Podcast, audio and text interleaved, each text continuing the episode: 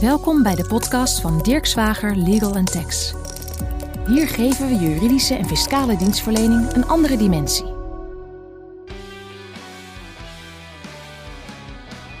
Dennis, ken je die grap van dat advocatenkantoor dat niet had gecheckt of de naam van de podcast nog beschikbaar was? Welkom bij Uitgewerkt, een juridische podcast waarin arbeidsrechtadvocaten van Dirk Zwager spraakmakende of interessante uitspraken of onderwerpen op een toegankelijke manier proberen te behandelen. Soms doen we dat met de kwinkslag, zodat er ook op de vrijdagmiddagborrel nog wat te lachen valt. Mijn naam is Stefan Kleijer en naast mij zit Dennis Hut. Dennis, wat gaan we vandaag doen? Ja, Stefan, je weet wat ze zeggen, hè? Aldoende leert men. Ja. We gaan het vandaag dus iets anders doen dan de vorige keer. Ik heb weer twee prachtige uitspraken meegenomen. Dit keer over tromgeroffel. Ik zal het proberen na te doen. Nevenwerkzaamheden. Het leek me dus leuk om deze twee onderwerpen vandaag centraal te stellen in deze aflevering. Mede indachtig wat de werkgever van plan is te doen met ingang van 1 augustus van dit jaar.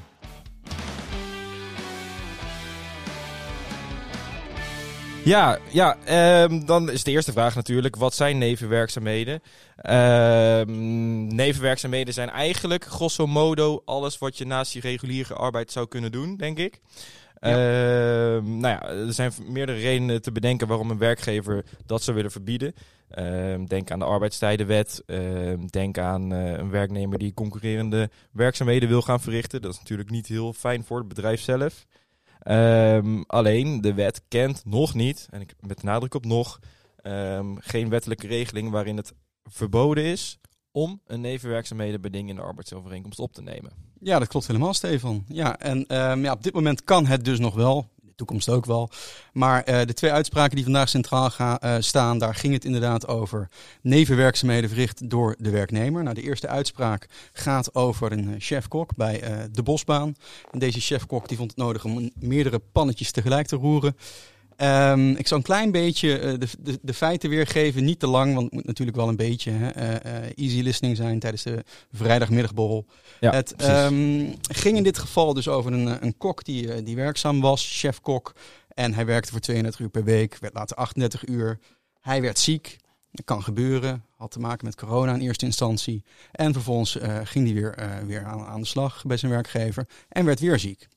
Nou goed, op zich allemaal niets aan de hand. Alleen, ehm, hij eh, was zonder toestemming was hij ook gaan werken bij een andere werkgever, de Safa- Safari Lodge. De nevenwerkzaamheden. De nevenwerkzaamheden inderdaad. Nou ja, wat eh, gebeurde er vervolgens? Ontslag op staande voet. Het paardenmiddel in het, ont- in het ontslagrecht wordt, eh, wordt ingezet. En nou ja, toen ik dit hoorde dacht ik, dat is bizar toch? Nevenwerkzaamheden, beding over, overtreden, ontslag op staande voet. Ja, ja dat is ook wat je denkt misschien als eerste. Ehm, het kan, denk ik wel. Hè? Uiteindelijk zou het wel kunnen. Maar hier was natuurlijk wel wat meer aan de hand. Die man was ook eh, ziek. Ah, nou, dat heb je ook al wel aangegeven. Dat ging over eh, die coronabesmetting. Maar daarna ehm, was hij wel weer beter. En vervolgens was hij weer ziek. En die nevenwerkzaamheden die hij bij, Safari Lodge heeft verricht... die heeft hij volgens mij in zijn eerste ziekteperiode verricht. daar. Ja, precies. Hij had tijdens ziek dat hij die nevenwerkzaamheden ver- eh, verricht. En hij dacht waarschijnlijk van ja, daar komen ze toch niet achter. Ja. Maar wat blijkt? Ja, en dan eh, krijg je de eigenaar van je nevenwerkgever, om het zo maar even te zeggen, Ja, krijg, woord. je, krijg je op de stoep.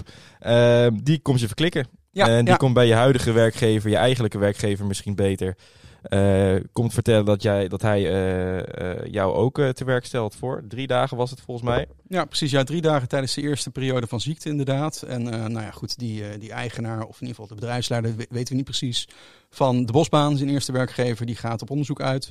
En die legt ook een huis, huisbezoek af bij, bij deze werknemer, alleen hij was niet aanwezig. Ehm telefonisch contact. Ja.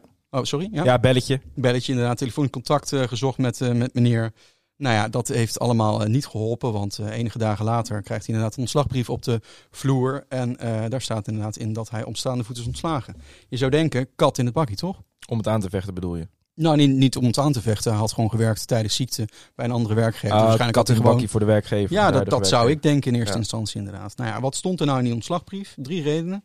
Had verboden nevenwerkzaamheden verricht terwijl hij ziek was. Eh, had ziekteverzuimregeling had hij, had hij overtreden. Had eh, gelogen over die adreswijziging. Ehm, is dat allemaal heel handig hoe dat is geformuleerd? Nee, niet echt. Want eh, het gaat dus om die nevenwerkzaamheden. Ze hebben dat centraal gezet. Mhm. En wat bleek nou hier?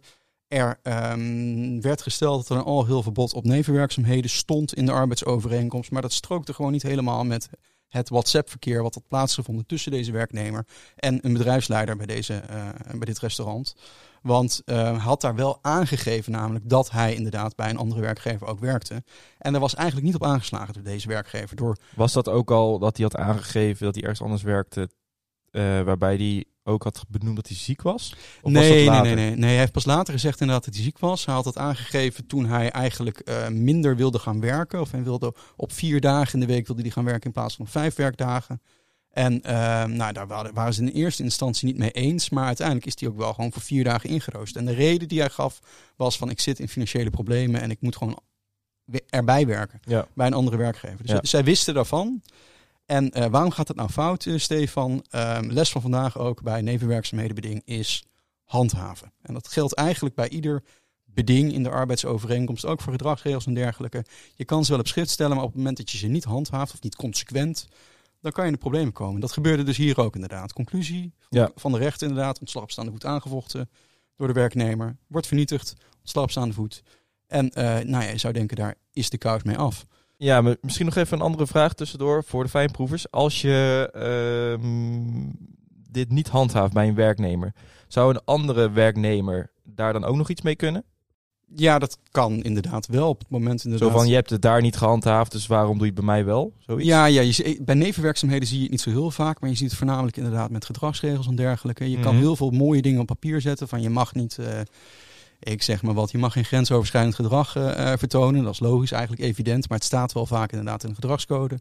Op het moment dat je daar niet op handhaaft en er ontstaat een cultuur inderdaad, waarbinnen dat allemaal wordt toegestaan, of in ieder geval wordt toegestaan, niet wordt gehandhaafd, dan kan ook een andere werknemer inderdaad, die ineens wel wordt geconfronteerd met een straf, met een disciplinaire maatregel noemen we dat dan, die kan wel zeggen van ja, maar eh, Pietje, die heeft dat vorige week ook gedaan en toen deden jullie er niets mee. Dat is de les Dus handhaven en als je uitzonderingen maakt, wees er wel heel voorzichtig mee. Absoluut, Ja. zonder twijfel.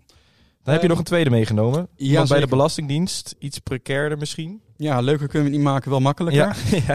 Ehm, nou ja, goed, dat speelt al. Dat, dat is al lang geen frase meer van de Belastingdienst. Ik denk dat ze daar niet meer mee, mee weg kunnen komen op dit Nee. moment.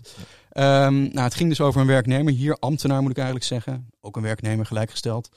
Ehm, heel kort, technisch. eh, hij eh, zat tegen de AOW gerecht de leeftijd aan. Hij treft op een gegeven moment een vaststellingsovereenkomst met de Belastingdienst. En daar zit een switchregeling in. Nou, dat betekent eigenlijk dat hij nou ja, eh, niet meer werkt voor de Belastingdienst. En dat hij ehm, eigenlijk in die uitloopperiode zijn ontslagvergoeding, dat was een stimuleringspremie, gebruikt inderdaad om zijn loon door te laten betalen. Dus eigenlijk heel kort gezegd, niet helemaal secuur, maar goed. dan weten jullie in ieder geval een beetje waar het over gaat. Ehm, deze werknemer, deze ambtenaar, die dacht van ik ben formeel nog wel in dienst bij de Belastingdienst, maar materieel ben ik geen ambtenaar meer. Ik Ja, kan er wel iets naast gaan doen, nevenwerkzaamheden. precies. Dus dat was het moment dat hij dacht van nou, dan ga ik wel even ergens anders eh, een beetje bijboeren. Hij dacht, ik ga een beetje bijbeunen. En waarom is dat nou van belang? Eh, of hij formeel alleen in dienst was bij de Belastingdienst en materieel niet meer, in ieder geval geen ambtenaar meer was. Nou, voor ambtenaren geldt een hoger integriteitsbesef. Eigenlijk Mhm. wordt van, van ambtenaren verwacht dat ze onkreukbaar zijn. Ja. En ehm, nou, dat ging hier fout. En wat heeft dat dan te maken met nevenwerkzaamheden? Ehm, ja, misschien even goed om in te zoomen op wat deze man ging doen. Ehm, deze man ging advieswerkzaamheden verrichten voor bedrijven, ondernemingen. Heeft ook een KVK-registratie voor gedaan. Dus hij heeft zich ingeschreven als eenmanszaak. En deze nevenwerkzaamheden die zagen dus inderdaad op, nou, in ieder geval lagen een beetje in het verlengde bij wat hij voorheen deed bij de Belastingdienst. Op zich geen probleem toch, zou je denken?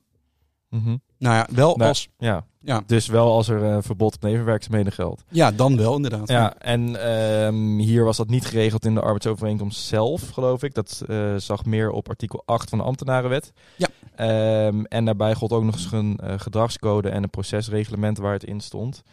Ehm, ja, en wat, wat betekent dat dan kort gezegd, of wat staat er? Ehm, dat er geen nevenwerkzaamheden mogen worden verricht die de integriteit van overheidsdiensten aantast. Of kan schaden, zo moet Ja. je het eigenlijk zeggen. Ja, en eh, wat heeft hij dan gedaan dat zo schadelijk was inderdaad voor de Belastingdienst, voor deze overheidsdienst? Nou, hij heeft ten behoeve van een onderneming, onderneming X noem ik het even, documenten opgesteld waarvan hij wist dat deze niet klopten. Eh, die werkzaamheden hebben er uiteindelijk ook toe geleid dat er verschuldigde belastingen, premies, niet konden worden geheven of geïnd. En mind you, het is een ambtenaar van de Belastingdienst. Hè? Het gaat dus inderdaad om een ambtenaar van de Belastingdienst die er aan meewerkt dat bepaalde belastingen en premies niet kunnen worden geïnd. In ieder geval had er wetenschap van en heeft daar ja, toch wel iets van een, van een, van een rol in gehad. Ja. Ehm, nog heel even kort. Naar eigen zeggen had de werknemer, nou heeft hij in de procedure heeft hij dat toegegeven, wist hij dat de administratie niet op orde was. Hij wist ook dat medewerkers onder, het wet, onder de wet minimumloon werden betaald, onder het minimumloon. En uh, dat er ten onrechte geen belastingen en sociale premies werden ingevuld op loonstroken en ook niet werden ingehouden. Nou ja, toen ik dit las, toen dacht ik echt van ja, maar hier worden gewone burgers toch gewoon voor veroordeeld, voor gestraft. Ja. Dit is, um, het, het, riekt in ieder geval naar valsheid in geschrift. Ja, je voelt aan alles dat er uh, ja, wel maatregelen zou mogen komen. Ik bedoel, wij zijn geen strafrecht-experts. Uh, nee. Dus wij kunnen, wij kunnen daar niet zoveel over zeggen.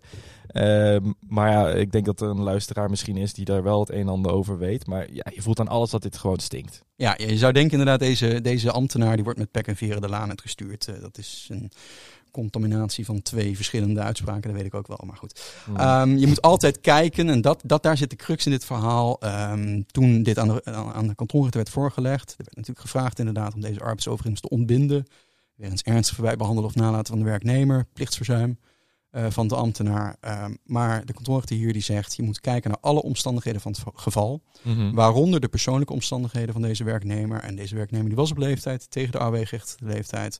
Had volgens mij 42 dienstjaren bij de Belastingdienst. En uh, uiteindelijk vindt de kantonrechter dat het gelet op deze persoonlijke omstandigheden...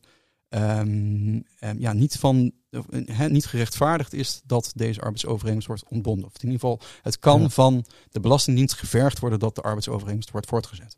Ja, dat, toch lastig. Ja, toch lastig. Ja, ik heb toch moeite mee, want het is wel een ambtenaar en die onkreukbaarheid waar jij in het begin al uh, over hebt gehad. Het lijkt nu een beetje alsof je als werknemer, als je tegen je pensioen aanzit, tegen je AOW-gerechtigde leeftijd, dat je dan een soort van uh, vrijbrief hebt bijna. Ja, dit, ik, ik, ik, vind het, ik vind het ongelooflijk. Om er iets uh, naast te gaan doen. Ja, nou ja, goed. Ja, ook omdat hij ja, inderdaad ja. Als, als, als verdachte werd, werd aangemerkt in eerste instantie in dit onderzoek vanuit, uh, vanuit de inspectie was dat. Nou, daar gaan we het verder niet over hebben. Nee.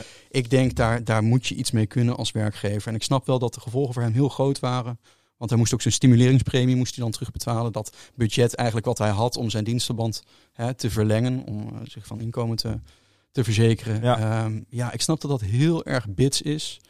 Maar um, ja, als je dit afzet tegen bepaalde bagatelldelicten, noemen we dat. Mm -hmm. die, uh, waarvoor andere werknemers hè, in andere branches soms worden ontslagen. Bijvoorbeeld hè, een, uh, het eten van een, van een pindaatje. Of uh, het, nou, het, het, wegpakken van een, ik zeg maar wat, een, een, een stuk afval uit een, uit, een, uit een vuilnisbak bij een werkgever. Wat niet mag, omdat het in de gedragscode staat dat er een zero tolerance beleid is. Ja. Als dat al kan leiden tot ontslag op staande voet, waarom kan zoiets daar dan niet toeleiden. En dat werd niet eens gedaan. Uh, er werd gevraagd om ontbinding van de arbeidsovereenkomst. Nou goed, daar kunnen wij ons heel erg boos over maken als arbeidsrechtadvocaten. Mm -hmm. Aan de andere kant maakt het ons werk ook heel erg mooi. Um, en het zorgt er ook wel voor dat we hierover uh, over kunnen spreken nu. Ja, absoluut. Nou, kijk, we hebben, om het eventjes uh, weer rond te maken, we hebben zojuist ook aangegeven van hè, op dit moment kan het nog. Een, een verbod op nevenwerkzaamheden. Daar gaat iets in veranderen per 1 augustus. Ja. Uh, dan komt er uh, wel iets in de wet te staan. En dat is dat er een verbod gaat gelden op het verbod op nevenwerkzaamheden. Ja, uh, ja luister goed, luister goed en luister ook vooral een keertje terug. Eh, tenzij er een objectieve reden uh, kan worden genoemd door de werkgever. Ja, ja, ja, die moet inderdaad een objectieve reden geven. En die kan bestaan uit nou, op zich alle, all, allerlei zaken. Bijvoorbeeld overtreding van de arbeidstijdenwet. Dat als twee hè, dienstverbanden bij elkaar een te grote arbeidsomvang gaan hebben dat een werknemer bijvoorbeeld meer dan 60 uur per week gaat werken, ja. uh, dan kan dat reden zijn inderdaad om uh, toch een beroep te doen op dat verbod op nevenwerkzaamheden. Dat gaat dus per 1 augustus uh, veranderen met een heleboel andere zaken. Mhm. Mm -hmm. heeft te maken met Europese, Europese wetgeving die eraan komt, of eigenlijk een richtlijn die in wetgeving moet worden omgezet in Nederland. Heet de wet Transparante en Voorspelbare Arbeidsvoorwaarden. Um, wordt door, uh, door ons kantoor ook uh, hier en daar wel wat uh, cursussen over gegeven en webinars. Ik wil dan ook de luisteraars verwijzen natuurlijk naar onze website daarvoor. Maar ik denk dat het belangrijk is om te weten dat inderdaad, wil je een verbod op nevenwerkzaamheden opnemen in je arbeidsovereenkomst, dan kan dat nog steeds. Alleen moet je ervoor zorgen dat op het moment dat je een beroep doet op dat verbod op nevenwerkzaamheden, op dat beding, dan moet je Ja. op dat moment een objectieve reden hebben. En die objectieve reden die, ja, die moet natuurlijk wel iets van gewicht hebben. Ja, en het kan dus ook zijn dat op het moment dat je dat beding opstelt en in de arbeidsovereenkomst zet, dat je die objectieve reden op dat moment gewoon nog niet hebt. Ja. Hè, dat kan bijvoorbeeld na een half jaar eh, of zo zijn dat die in één keer opkomt en eh, ja, dat het wel een terechte objectieve reden is. Ja, precies. En ook omdat hè, uh, arbeidsovereenkomsten die wijzigen, of in ieder geval de arbeid die wordt verricht wijzigt. Ja. Bijvoorbeeld iemand die, die treedt in dienst voor, voor tien uur per week. En na een half uurtje, of een half uurtje hoor mij, na een half jaar werkt hij 40 uur per week. Die heeft, die heeft zich, ja. ja, dat ging heel erg snel. Heel snel. werkt hij 40 uur per week, dan kan het zijn dat die objectieve reden een hele andere is. Of omdat die, iemand een functiewijziging ondergaat. Ja, ja er kunnen andere objectieve ja, redenen is heel zijn. voorstelbaar ook. Ja. Hè? Promotie of iets dergelijks. Ja. Nou, heel goed. Uh, ik denk dat het hem wel zo'n beetje is geweest. Dat was Zo. het voor vandaag volgens mij. Ja, dan kan ik niet anders dan uh, iedereen bedanken voor het luisteren. Wij zijn uitgewerkt. Uh, geniet van je vrijdagmiddagborrel en tot de volgende keer. Tot ziens. Dirk Zwager Legal Tax. Podcast.